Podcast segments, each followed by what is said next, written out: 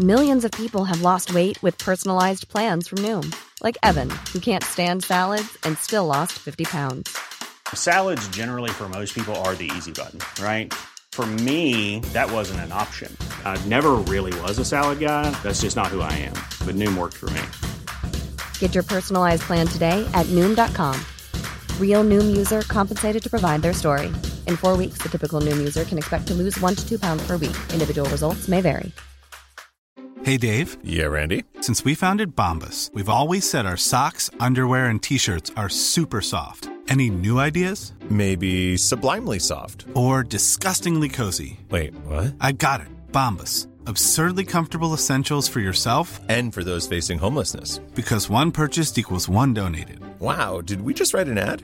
Yes. Bombas. Big comfort for everyone. Go to bombas.com slash ACAST and use code ACAST for 20% off your first purchase. Introducing Wondersuite from Bluehost.com. Website creation is hard, but now with Bluehost, you can answer a few simple questions about your business and get a unique WordPress website or store right away. From there, you can customize your design, colors, and content. And Bluehost automatically helps you get found in search engines like Google and Bing. From step-by-step guidance to suggested plugins, Bluehost makes WordPress wonderful for everyone. Go to bluehost.com/wondersuite.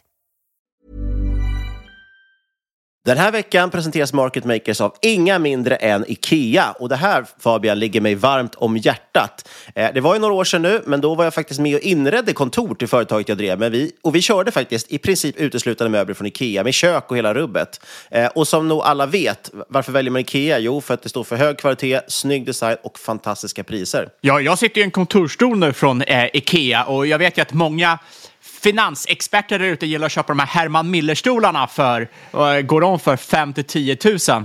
Och jag har ju själv suttit i sådana och jag tycker den här stolen från Ikea, den är minst lika bra om inte bättre, men liksom en tiondel av priset. Ja, jag håller med. Och jag sitter med ett Ikea-skrivbord faktiskt, höj och sänkbart, som är fantastiskt bra. Det enda som var synd när jag inredde kontor, det var att då hade inte Ikea lanserat sitt lojalitetsprogram för företag. Men nu har de gjort det. Det heter Ikea Business Network och är man med där så får man helt enkelt massvis av extra erbjudanden och förmåner. Till exempel alla inköp samlade digitalt, en timmes kostnadsfri rådgivare med företagsinredare och tillgång till alla Ikea Family-priser. Ja, och för dig som byggde kök så hade det ju faktiskt blivit ännu billigare idag. För om du går med i Ikea Business Network får du ta del av erbjudanden som ger dig 25% på köksstommar vid köp av ett komplett kök. Och den rabatten hade ju sparat dig många, många tusenlappar. Verkligen. Och du som lyssnar, du har ju chansen att ta del av det här. Om du går in på ikea.se företag så kan du läsa mer om vad Ikea kan erbjuda för just ditt företag och du kan gå med i deras lojalitetsprogram Ikea Business Network. Vi säger stort tack till Ikea. I'm amazed how many people own stocks. They, they would not be able to tell you why they own. They couldn't say in a minute or less why they own. Actually, you really press them down, they'd say the reason I own this is the sucker's going up. There's enough cash in the financial system, and there's an infinite amount of cash at the Federal Reserve. An infinite amount of cash. Put that check in a money market mutual fund. Then we'll reinvest the earnings into foreign currency accounts with compounding interest, and it's gone. So they had to do something. All they had left was just to print money and start buying things. And that's what they did. Quick buck artists come and go with every bull market, but the steady players make it through the bear market. They say money can't buy happiness. Look at the fucking smile on my face. Hej och välkommen till ett nytt avsnitt av Market Maker. Det ska bli spännande att se om min röst håller idag. För var det två veckor sedan så var det du som var sjuk. Nu är du istället på, på Rivieran, höll på att säga. Det är du inte i Portugal, är du på semester väl? Men nu är det jag som är sjuk istället och min röst som eh, kanske inte riktigt håller som den ska. Vi får se. Ja, det är ju tråkigt. Men eh, då kanske du också får liksom lite kärleksmail som jag fick. Det var många som tyckte att jag hade en väldigt eh, sexig röst. Ja. Och jag håller ju med, men jag har ju också en sexig röst vanligtvis. Så att, eh, Ja, ni säga- får det ni, det ni får. Jag tänkte säga att jag får ju sådana mejl varje vecka. jag behöver inte vara sjuk för att ha sexig röst. Hörde, vad ska vi prata om? Det blir ju väldigt mycket fokus på rapporter återigen. Jag tror vi ska prata om Lambi. Nej, Kambi heter de. Lambi är toapapper och förhoppningsvis så ska man inte använda Kambis aktier som toapapper. Eller ska man det kanske? Det får du svara på sen Fabian. Vi kommer följa upp lite på Fjäll Technology. Jag vet att vi har Chefello, eh, det här matkassebolaget som har bytt namn. Och sen tror jag kanske vi ska följa upp på dit ett annat bettingbolag. Nej, ett affiliatebolag är det faktiskt som vi pratade om för länge sedan. Som eh, jag tänker hålla det hemligt fram tills vi pratar om det. Så blir det någon cliffhanger för lyssnarna. Det låter bra min vän, det låter bra. Innan vi hoppar igång såg jag för övrigt att eh, Sam Bankman-Fried, vi har ju följt det ganska mycket här i podden, eh, med kryptoexchangen FTX. Som eh, ju, han har ju nu fått, blivit dömd på samtliga punkter. Jag tror att han skulle få 125 år i fängelse eller något sånt där. Vart eh, straffet. Jag tror väl fy, fyra... Alla utom en i juryn.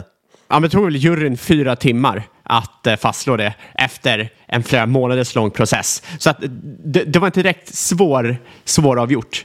Nej, det känns verkligen inte. Fast ingen tveksamhet känns som.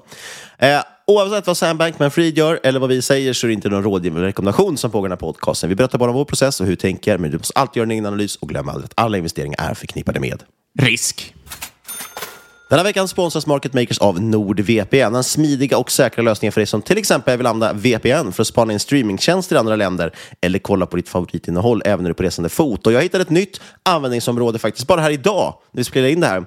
För eh, Elon Musk har ju släppt sin egen eh, konkurrent till ChatGPT som heter Grok, tror jag. eh, som man då kommer åt via sitt Twitterkonto. Den kommer man inte åt i Sverige. Men då kan man faktiskt använda VPN-tjänst, låtsas att man sitter i USA och helt plötsligt kan man prova den här nya AI-tjänsten. Och jag vet att du har ju använt det här mycket till att till exempel kolla Formel 1 och lite annat sånt när du varit eh, utomlands. Hur, eh, hur mäter sig den här uh, Grok-tjänsten jämfört med ChatGPT då? Framförallt ska den ju ha mer humor, säger Elon Musk själv. Eh, han la ju själv ut ett exempel på Twitter som man får kolla upp själv. Det var inte helt rumsrent, så jag ska inte ta det här. Humorkungen Elon Musk. Eh, använder man NordVPN i alla fall kan man vara säker på att man surfar rumsrent. För man surfar ju krypterat och säkert via NordVPN med deras starka virusskydd och integritetsskydd.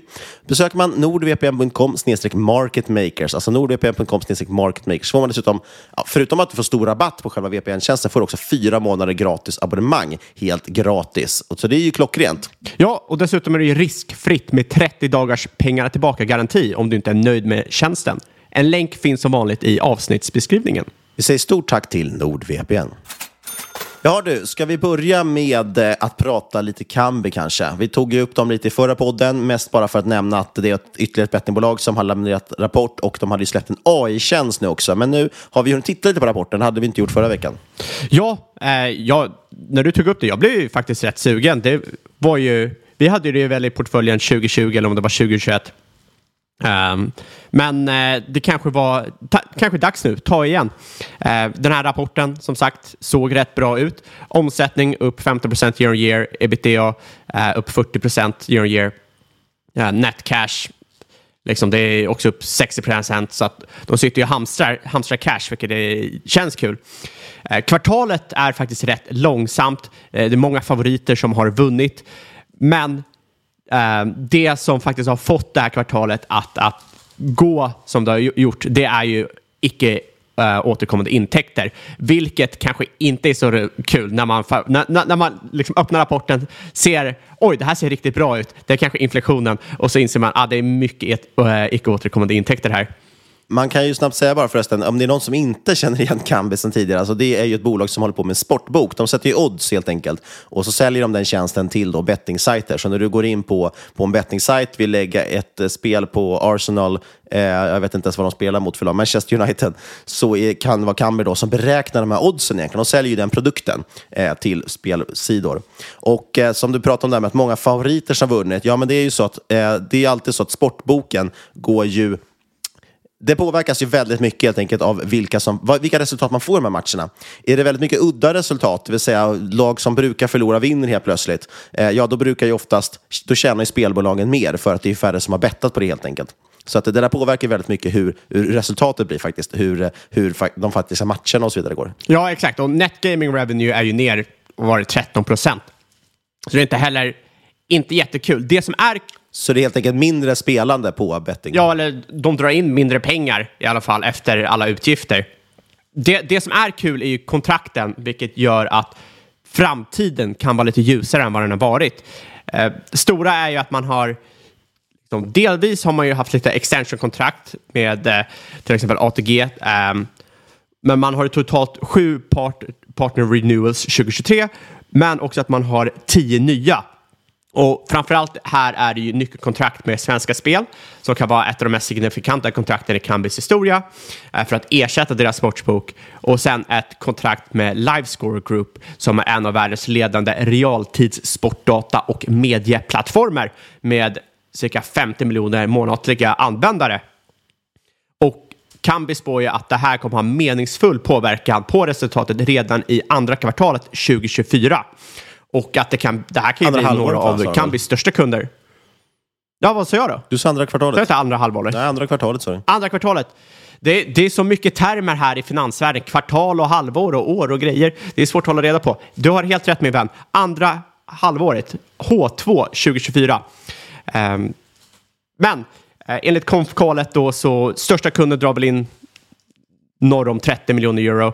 Ehm, så lite under det här förväntas väl till exempel eh, eh, Live Group eller Livescore Group kunna dra in om allting går rätt till, om det... Vi ska gå in lite på det, management är ju väldigt bullade.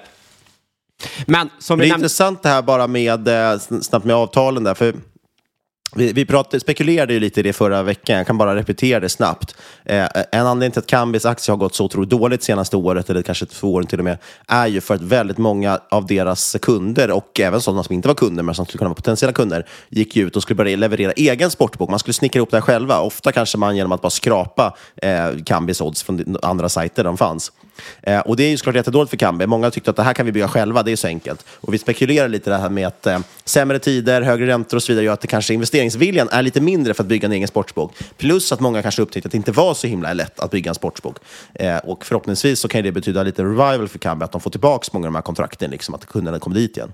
Nej, jag, jag håller helt med där och jag tror att det är en väldigt korrekt analys. Om man kollar på många av till exempel Kambis kunder, men också andra bolag som ville bygga egen sportsbok och investera mycket, då var det ju i stort sett toppen eh, 2020-2021 som man bestämde sig att göra det. Vad var det? Ja, det var ju peak låg ränta, eller ja, bottenränta kanske man ska säga.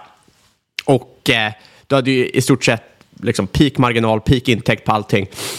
Så allting så, såg ju som rosigast ut och då ska man bestämma sig, bestämma sig, ah, vi ska investera jättemycket, bygga egen sportsbok.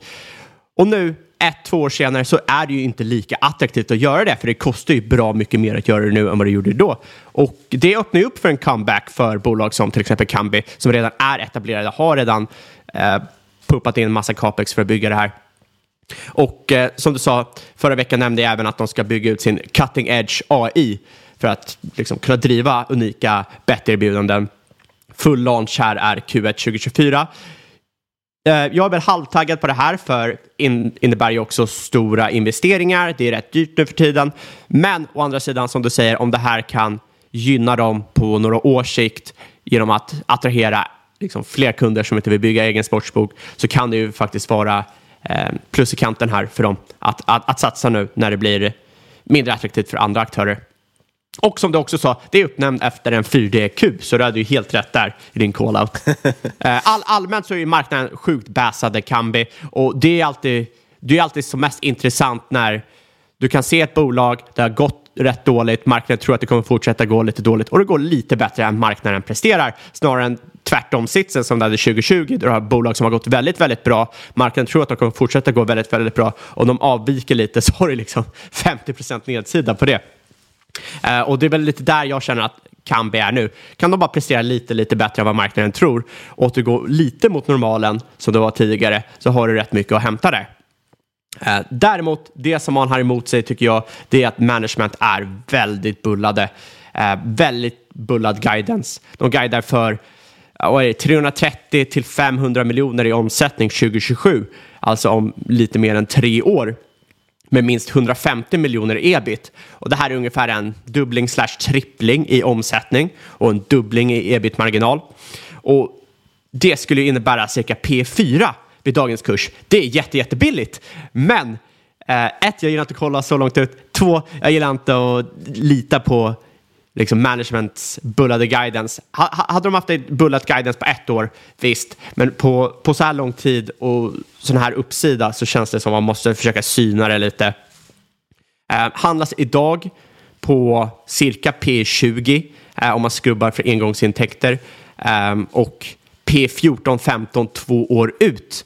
Men liksom, vad det handlas till vid slutet av 2024 kommer bero mycket på actuals, kommer bero på hur mycket de här nya kontrakten ehm, faktiskt slår ut. Om de, är, om de har lika stor effekt som man kanske tror, då kan de slå mina estimat. Eh, jag är rätt konservativ här och då kan Kambi handlas liksom, lägre än P15 så, så tidigt som ett år ut. Eh, men jag, jag, jag, jag försöker väl hitta något mellanting här mellan, mellan att vara alldeles för negativ, vilket är väldigt lätt när det har gått dåligt för ett bolag, och alldeles för positiv, vilket jag tror är risken om man litar fullt ut på, på managements guidance. Jag vet inte vad du tycker om det, Niklas. Nej, jag är väl ganska enig med dig. Jag tycker det där är lite synd att de är så bullish eh, faktiskt. Även om det, är, det kanske är så att de har rätt också och, och då är det jättebra förstås. Men ja, jag tycker också den är lite knepig. Äger du en aktie i Kambi? Jag gör inte det i dagsläget. Jag, jag, jag äger inga aktier och det var ju...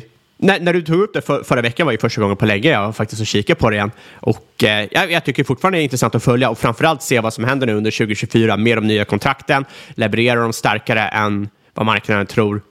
Och eh, ja, kan vi, aktien har ju allting emot sig känns det som.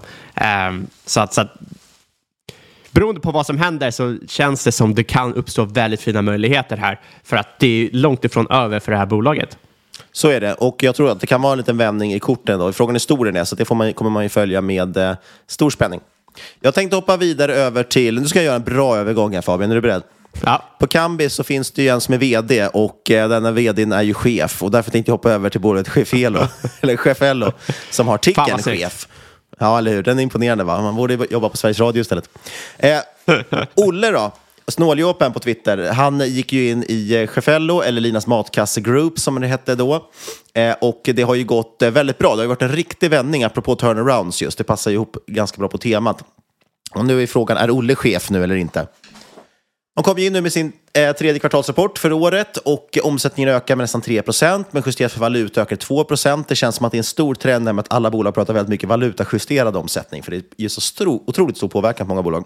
Ja, mer, mer än vanligt.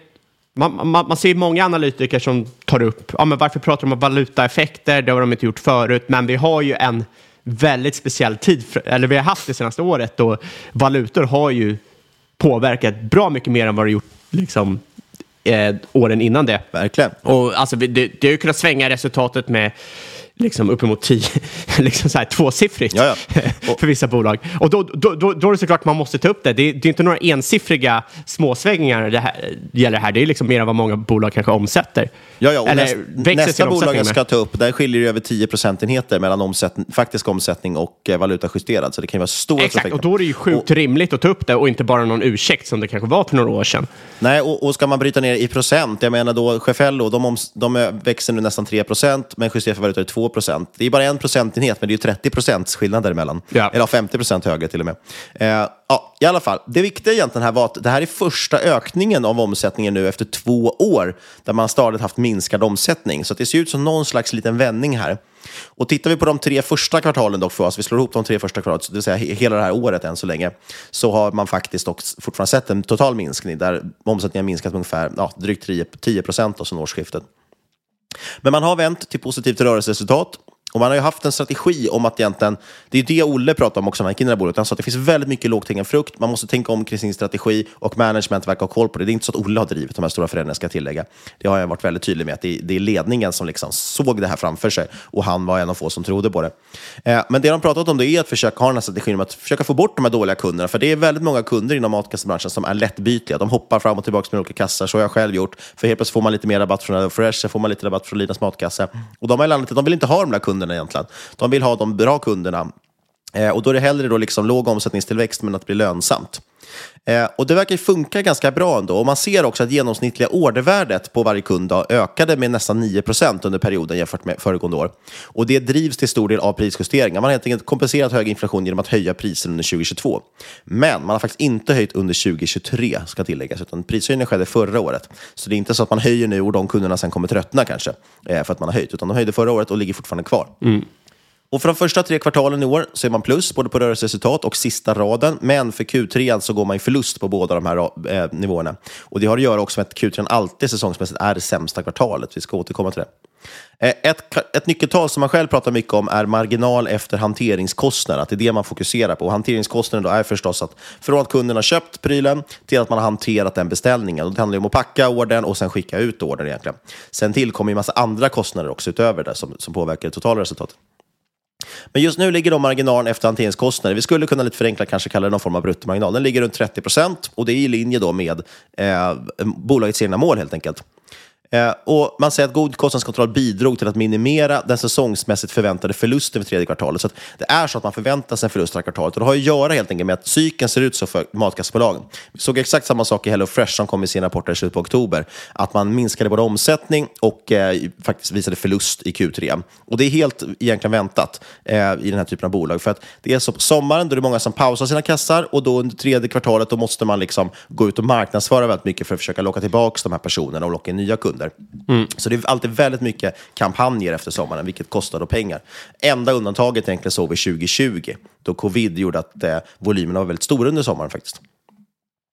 Eh, logistik, logistiken, jag tyckte det här är intressant faktiskt. Vad, vad är det egentligen för lågt hängande frukt man pratar om? Vad är det egentligen man gjort för förbättringar i det här bolaget för att kunna höja sin marginal och som ska leda dem till lönsamhet på längre sikt? Jo, men ett jätteintressant exempel är logistiken. Den har tydligen optimerat så pass mycket att man nu kompenserat både för högre bränslepriser och för inflationen.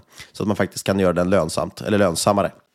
Alltså jag tycker det är ett ganska tydligt exempel på den här strategin, hur man ska kunna optimera egentligen. Och ett annat exempel som jag såg, det är att man har gjort ett jobb med att optimera lådstorlekarna. Det handlar egentligen om att trycka ner lådstorlekarna och göra dem mindre. För det levereras ju, de här matkassarna levereras ju inte i kassar som man kanske kan tro namn, utan de levereras i kartonglådor.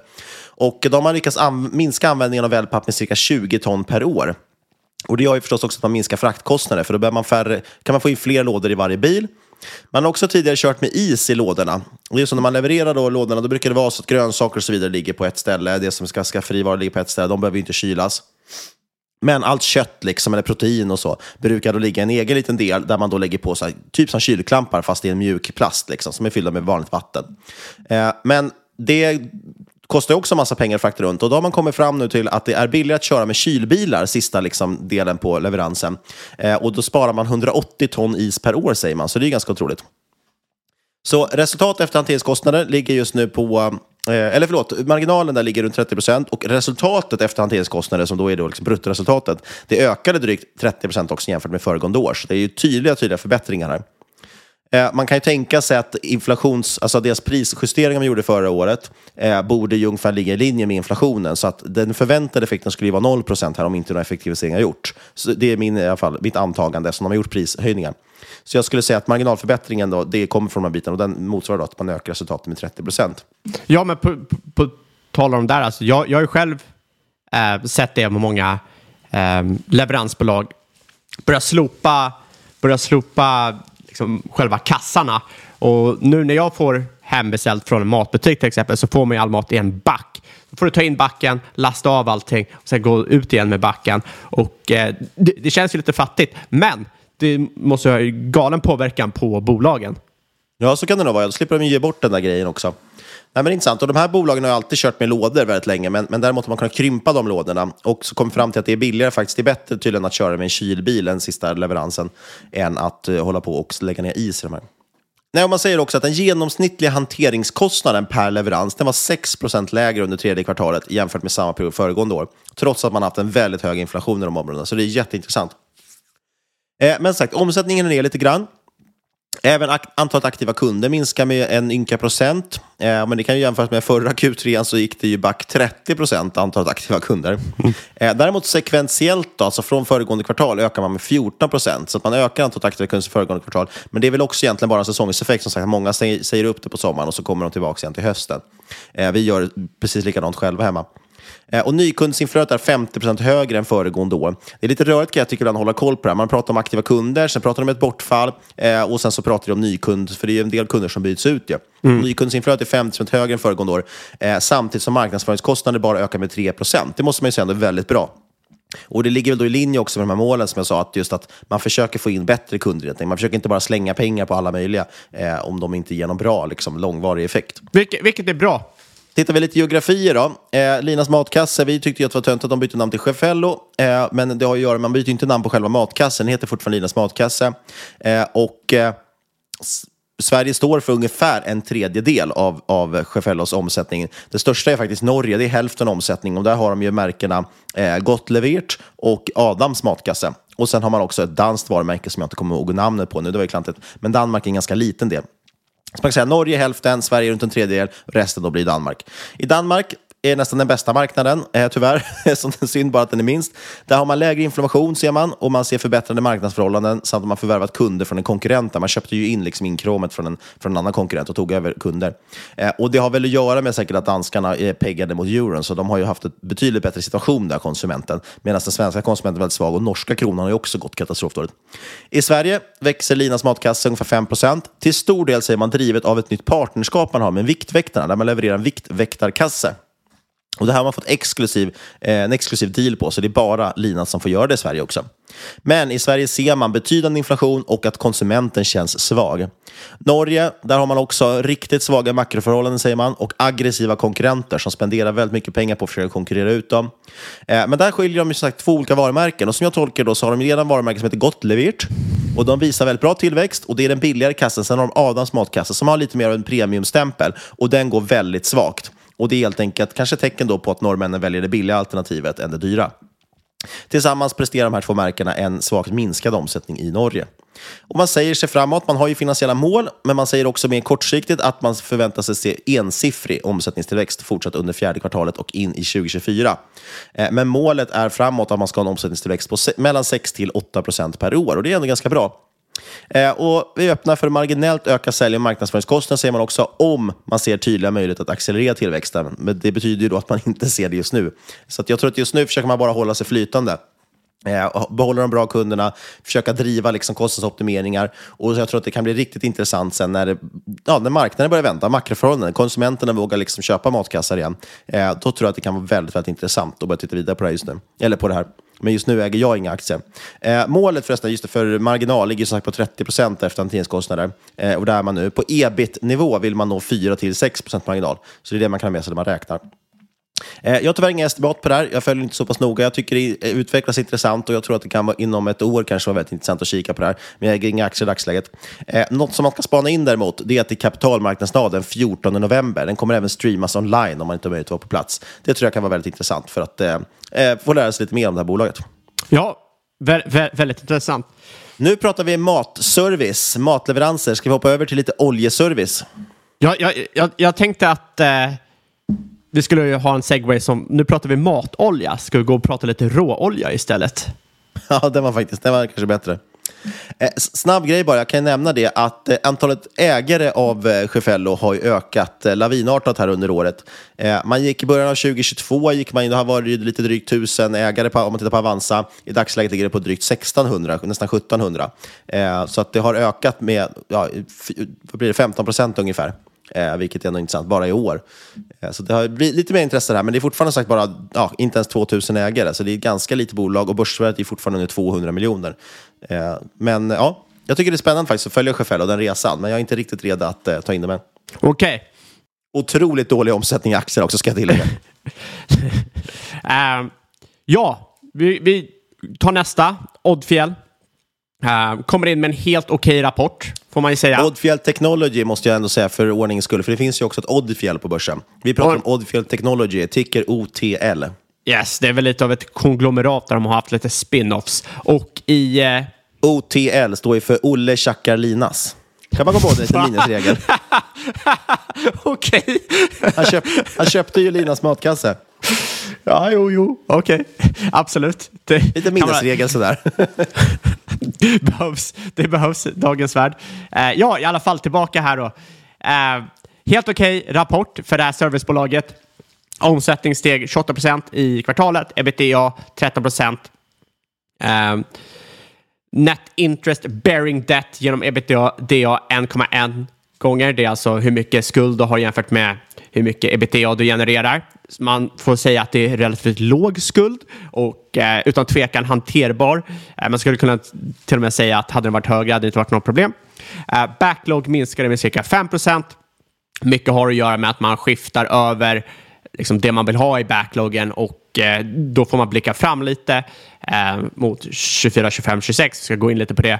Och sen vinsten steg med närmare 100 procent, vilket är fantastiskt trevligt för kvartalet year on year. Det är inte så jättekonstigt egentligen med tanke på att sektorn var i stort sett död 2021, eh, 2022. Vid den här tiden så hade det börjat ta sig, men eh, händer ju rätt mycket när en sektor går från botten till att eh, dra igång igen.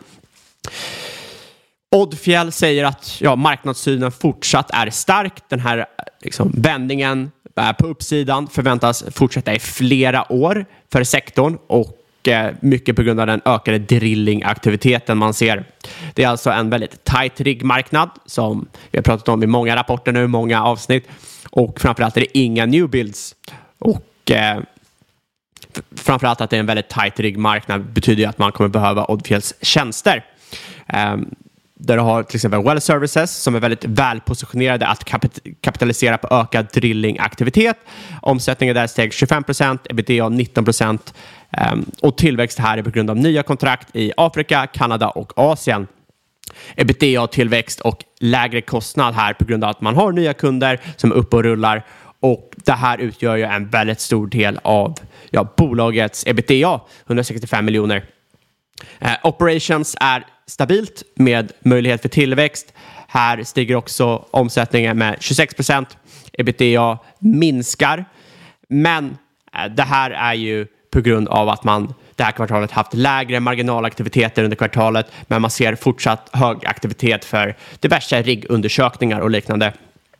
Eh, man ser också en stabil outlook just nu, mycket tänder som är ute. Så det kommer fortsatt vara eh, aktivitet för bolaget här. Och sen har du... Mycket tänder ute, men att vdn ler mycket. Exakt, exakt. Eh, och sen har du ju eh, PNE, alltså deras engineering-avdelning. Här ser du också ökad aktivitet på grund av eh, ja, ökad investering från branschen. Eh, omsättningen stiger 50 year on year, ebitda nästan 100% 16 miljoner ebitda. Rätt litet. Hela bolaget i stort sett well services just nu. Det är vik viktigt här också att man har säkrat en strategiskt viktigt kontrakt med Åker BP, Åker BP, Aker BP i oktober. Eh, 100 miljoner över fem år. Och eh, Ja, allt som allt så tycker jag det här kvartalet, det är väl liksom lite av ett mellankvartal, eh, ser väl helt okej okay ut. Eh, men som med mycket annat så har ju 2023, det har ju varit lite av ett mellanår för sektorn. Man väntar på att det rampar upp. Varför då? Jo, för att många eh, drillingbolag kommer att börja omförhandla kontrakt i 2024 för 2025 och 2026. Och du sitter ju på mycket legacy-kontrakt och eh, framförallt så marknaden väntar ju på att det ska bli riktigt, riktigt tight, vilket till exempel Oddfjäll kommer dra väldigt stor nytta av. Eh, man förväntar till exempel en stark förbättring i Q4, vilket är intressant. Men som sagt, man bör få rejäl fjung i andra kvartalet 2024-2025 då de här re, liksom, re, omkontrakteringen, recontracting, eh, börjar hända för drillingbolagen. Eh, man säger själv att 2024 så kommer det vara ett starkare år för bolaget. Eh, det kommer vara bra, men det är 2025-2026 man förväntar sig att det kommer bli riktigt, riktigt aggressivt. Och då kan man ställa sig frågan varför ska man vara intresserad av det här bolaget nu istället för att bara vänta? Jo, för och kikar ut något år, ett eller två år, så ser det väldigt, väldigt billigt ut. Handlas till PE 4,5 på mina rätt konservativa estimat på 2025, EV ebit 4. Och eh, det här är såklart en cyklisk bransch, men EV ebit 4 på inte peakvinster. Det här är väl någonstans mellan eh, mi, mi, mi, mitten av, eh, av, av cykeln, måste man ändå säga är relativt billigt för ett sånt här bolag som sköter sig rätt bra. Och eh, disclaimer här, vi glömde kanske det på Chefello, men det är ingen av oss som äger aktier i Chefello. Eh, OTL däremot så äger väl både du och jag aktier? Jajamensan. Har vi den? Och vi har det i bolaget också. Precis. Eh, avslutningsvis då. Nu kommer folk bli besvikna på, på Cliffhanger, men jag tänkte prata lite kort om Trade Doubler, ticker TRAD. Inser nu att jag glömde bort det. Jag skulle inte prata om bolag med låg omsättning. Fick jag kritik för. Men nu gör jag ändå. Jag äger dock inte aktier i någon av de här bolagen med låg omsättning, så ni behöver inte oroa er för det. Eh, jag tyckte det var lite intressant. Jag såg, det kom upp här på, på flashade till att de hade släppt rapport. Och jag tyckte det var lite kul, för jag pratade om dem i avsnitt 267. Eh, och eh, tyckte det kanske var lite intressant då. Då hade de börjat köpt, gjort lite insiderköp och lite annat och sådär. Eh, men de är ner drygt 10 procent sedan dess. Det var en stor initial uppgång där ungefär efter vi pratade om det någon gång. Eh, det var ju samma med att det kom en väldigt bra rapport också vill jag minnas. Eh, vad sa vi sista? Jo, kortfattat kan man ju säga att det här är ett affiliatebolag om man har glömt bort det. Det handlar ju egentligen om att leverera länkar kan vi säga till lite förenklat bloggar och influencers och så vidare. Och när folk klickar på dem då håller de koll på att det kom, att det kom från den bloggen så att säga. Det var, det var därifrån du var länkad. Och då får det skickas en liten kickback sen om du gör ett köp. Och då sa vi då, tesen lite här var att det var ett gammalt, lite bortglömt bolag som ser ut att göra en turnaround och nu handlas till låg multipel. Och det ser väl lite liknande ut nu, även om makroläget har ju förändrats en hel del. Eh, en av bolagets grundare var ju faktiskt Martin Lorentzon som gick vidare sen till att grunda Spotify tillsammans med Daniel Ek. Lite intressant. Och Daniel Ek träffade han genom att TradeW köpte Daniel Eks annonseringstjänst som han drev, som heter Advertigo. Eh, men TradeDoubler är ner 90 procent från noteringen för 18 år sedan. Det här är bolag som var riktigt håsat i, under millennieskiftet. Och nu är ju börsvärdet under 200 miljoner, så det är ett superlitet bolag, väldigt låg omsättning. Eh, men man har liksom sakta men säkert börjat bättra på sin lönsamhet, ebit-marginalen har stadigt ökat de senaste åren eh, och man är faktiskt också de senaste tre åren lönsamma på sista raden också. Eh, dessutom som sagt följs av typ noll analytiker, allmänt bortglömt bolag, eh, svagt insiderägande tills vi då såg ett insiderköp av CFO. Och det var det som triggade lite intresset att prata om det i podden sist. Man pratade då också om att det var, en bo, liksom, var ett, ett bolag som jobbar inom en, en eh, bra sektor långsiktigt. Jag menar e-handel, influencerekonomin om vi ska kalla det och så vidare, eh, har ju liksom växer ju på ganska, ganska bra ändå. Eh, eller känns som det är en långsiktig trend, även om det nog antagligen är en liten tillfällig svacka just nu. Men vi ska återkomma till det. Eh, Q3 då, intäkter upp 25 procent, får man ändå säga väldigt positivt, men 13 procent omsättningstillväxt om man justerar för valutaeffekter. Det är en ganska kraftig påverkan av valutan. Eh, det är stor skillnad. rörelsekostnader ökar dock också 24 procent. 15 procent justerat för valuta, så det ligger liksom i linje. Man växer omsättningen i takt med kostnaderna, så det finns ingen skalfördel man kan prata om här, verkar det som. Eh, resultat per aktie ökar dock från 5 öre till 13 och det är en ökning på 160 procent. Eh, jag tror dock att det är lite orättvist. Jag tycker det är intressantare faktiskt egentligen att titta på... Det är lite mer intressant att titta på de senaste tre kvartalen. Eh, och då har faktiskt vinst per aktie minskat någonting jämfört, lite grann jämfört med föregående år. Eh, kassaflödet också aningen svagare, men det påverkas ju av ett, ett förvärv man har gjort. Eh, och vd säger egentligen att vi ser marknadsförhållanden som har påverkat deras verksamhet. Eh, det minskade budgetar, ekonomiska utmaningar för annonsörer, eh, vilket har gett, lett till att man har gjort lägre egentligen spendering, spenderat mindre på det under sommaren. Men det här är intressant tycker jag och det var lite därför jag tog upp det också. Sen mitten av september tog verksamheten fart igen säger man och vi kunde växa vår verksamhet och liknande tillväxttakt, med liknande tillväxttakt som tidigare.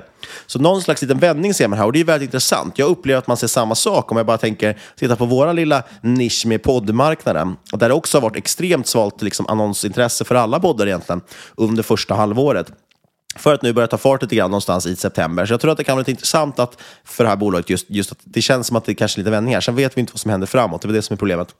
Eh, man har rekryterat färre dock, man säger att man är väl bemannade, eh, så att man har, liksom, har ändå lite sådär kostnadstänket när man jobbar. Eh, och eh, just den här kostnadsökningen man haft har ju berott också på att man ändå har rekryterat och blivit lite fler. Sen ser man också att det är positivt. UK har tagit rejäl fart medan Frankrike haltar lite grann där man inte är nöjd med expansionen även om man växer. Och eh, det är lite lustigt ändå att folk drar in på de här budgeterna med tanke på att just den här typen av affiliate-marknadsföring är ju mer eller mindre riskfri eftersom man betalar ju först när man faktiskt har gjort en försäljning. Eh, så det borde ju liksom vara någonting man ändå vågar satsa på. Men ändå har man sett lite mindre av det. Eh, och samtidigt så är det väl också så att det då klickas mindre på länkar. Jag tänker folk köper lite mindre för att man har mindre att handla. Så att det här ligger kvar ungefär samma tes liksom som tidigare. P9 betalade man, vi pratade om det sist, det är fortfarande P9. Eh, jag tror inte på någon uppvärdering för det här bolaget. Det, det ligger verkligen inte i korten tror jag. Eh, men kanske skulle man då kunna fortsätta växa 10-15% per år då, i bästa fall. Eh, så jag vet inte, jag tycker ändå det är lite intressant att, att följa det här lite vid sidlinjen. Eh, äger inga aktier i dagsläget, dagsläget, men det ska bli kul att se om de, om de kan fortsätta den här tillväxten. Eh, om det är så att det håller i sig, annonseringstillväxten. Ja, alltså det, det är väl som med RakeTech och liknande. Nu är det en an, liten annan sektor, men det är också affiliatebolag och eh, marknaden verkar ju liksom inte tro på att de här intäkterna kommer hålla i sig. Vill gärna handla ner dem till en, till en rabatt. Nu är RakeTech väldigt, väldigt billigt och billigare än det här bolaget. Men marknaden gillar inte riktigt affiliatebolag. Eh, tror inte på hållbarheten i intäkterna och vinsterna. Eller, det, är så, det är den synen jag har fått. Jag vet inte om du håller med om det. Ja, men det håller jag med om. Och för disclaimer där, vi äger, båda aktier, eller vi äger aktier i bolaget i RakeTech ska jag säga. Och det kan jag väl tycka är ett eh, mer intressant bett faktiskt än Trade Jag tänkte säga säkrare, är väl att ta i, men jag tycker det har haft en mycket mer stabilt track record än vad Trade har haft. Även om Trade börjar sådär bubbla lite grann. Eh, men ingenting jag äger aktier i dagsläget. Och det var väl de bolag vi hade att ta upp idag. Det blir som sagt fortsatt lite rapportfokus den här veckan vart det säkerligen kanske nästa vecka också. Vi ska dock påminna som vanligt att inget hört den här podcasten ses som rådgivning. Alla åsikter i våra egna LVS och hämtar sponsorer tar inget ansvar för det som sägs i podden. Tänk på att alla investeringar är förknippade med risk och sker under eget ansvar. Vi vill rikta stort tack till vår sponsor NordVPN. Kolla in länken i avsnittbeskrivningen om du vill ha fyra månader gratis eh, VPN utöver då ett redan rabatterat bra pris för tjänsten. Kontakta oss på podcast at marketmakers.se eller på Twitter och eucaps at marketmakerspod och glöm inte lämna en recension på iTunes. Och sist men absolut inte minst kära lyssnare, stort tack för att just du har lyssnat. Vi hörs igen om en vecka.